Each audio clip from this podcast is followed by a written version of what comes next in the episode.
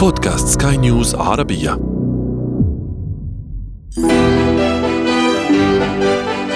الحياة رواية. عندما يكرم الأدب ملهمات زوجات مخلصات أو أمهات استثنائيات عشن في ظل عبقري في الأدب أو الفن وغيرهما ضحين أحيانا بمواهبهن ووجودهن لكنهن منحن العالم المعية رجال كبار.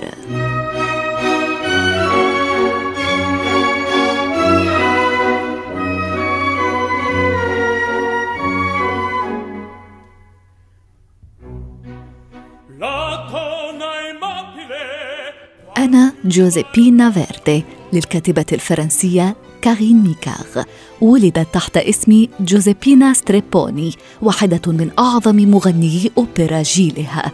بدأت الغناء سنة 1834 ولم تكن قد تجاوزت حينها ربيعها التاسع عشر.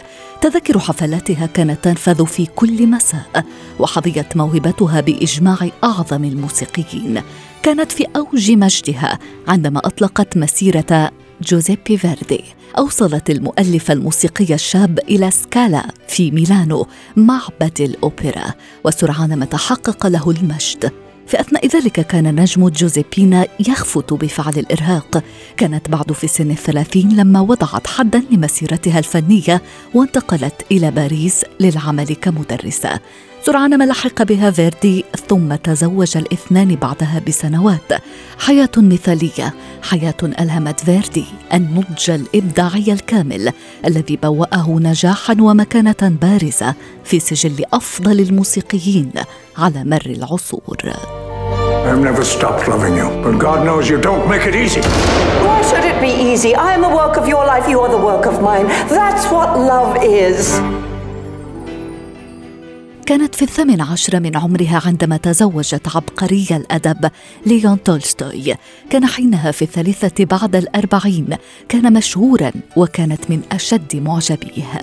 سونيا The Life of Countess Tolstoy للكاتبة الأمريكية آن إدواردز سونيا التي كرست نفسها لعمل زوجها وكانت تعيد قراءة ونسخ كل مخطوطاته وتنشر كتبها أنجبت ثلاثة عشر طفلا وأدارت الأراضي الزراعية وخاطت ملابس الأسرة واعتنت بأبناء قريتها.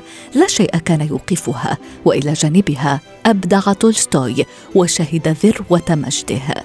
تقول الكاتبة أدركت بمرارة أنها أمضت حياتها في ظل تولستوي لأن الأخير الذي اعتقد بشكل متعصب أن جميع الرجال متساوون لم يمد أبدا إحسانه. إلى النساء. رواية طويلة لكن لا يمل منها. في قراءتها مفاتيح الكثير من أسرار الإبداعات الأدبية لتولستوي. وكتاب لإحقاق الإنصاف لإعادة الاعتبار لوالدة يعرف العالم أجمع ابنها النابغة. مدام غامبو تنطلق فيه الكاتبة الفرنسية فرانسواز لالاند من توثيق دقيق لتحكي لنا قصة حياة والدة الرسام الفرنسي أرتور غامبو التي لم تنصفها الكثير من مؤلفات سير حياة ابنها. ومع ذلك لا يقتصر الأمر على إعادة رسم صورة أم هذا العبقري فيتالي غامبو. كانت امرأة بسيطة فقدت والدتها في السن الخامسة وظلت بمفردها تدير مزرعة العائلة.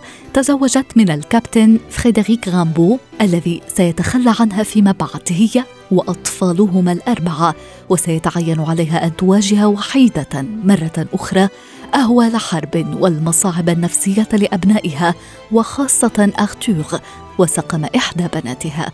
كانت تقول عن نفسها إنها كانت مكرسة لكل مآسي ومعاناة الحياة لكنها كانت أيضا والدة أرتور غامبو الحياة رواية.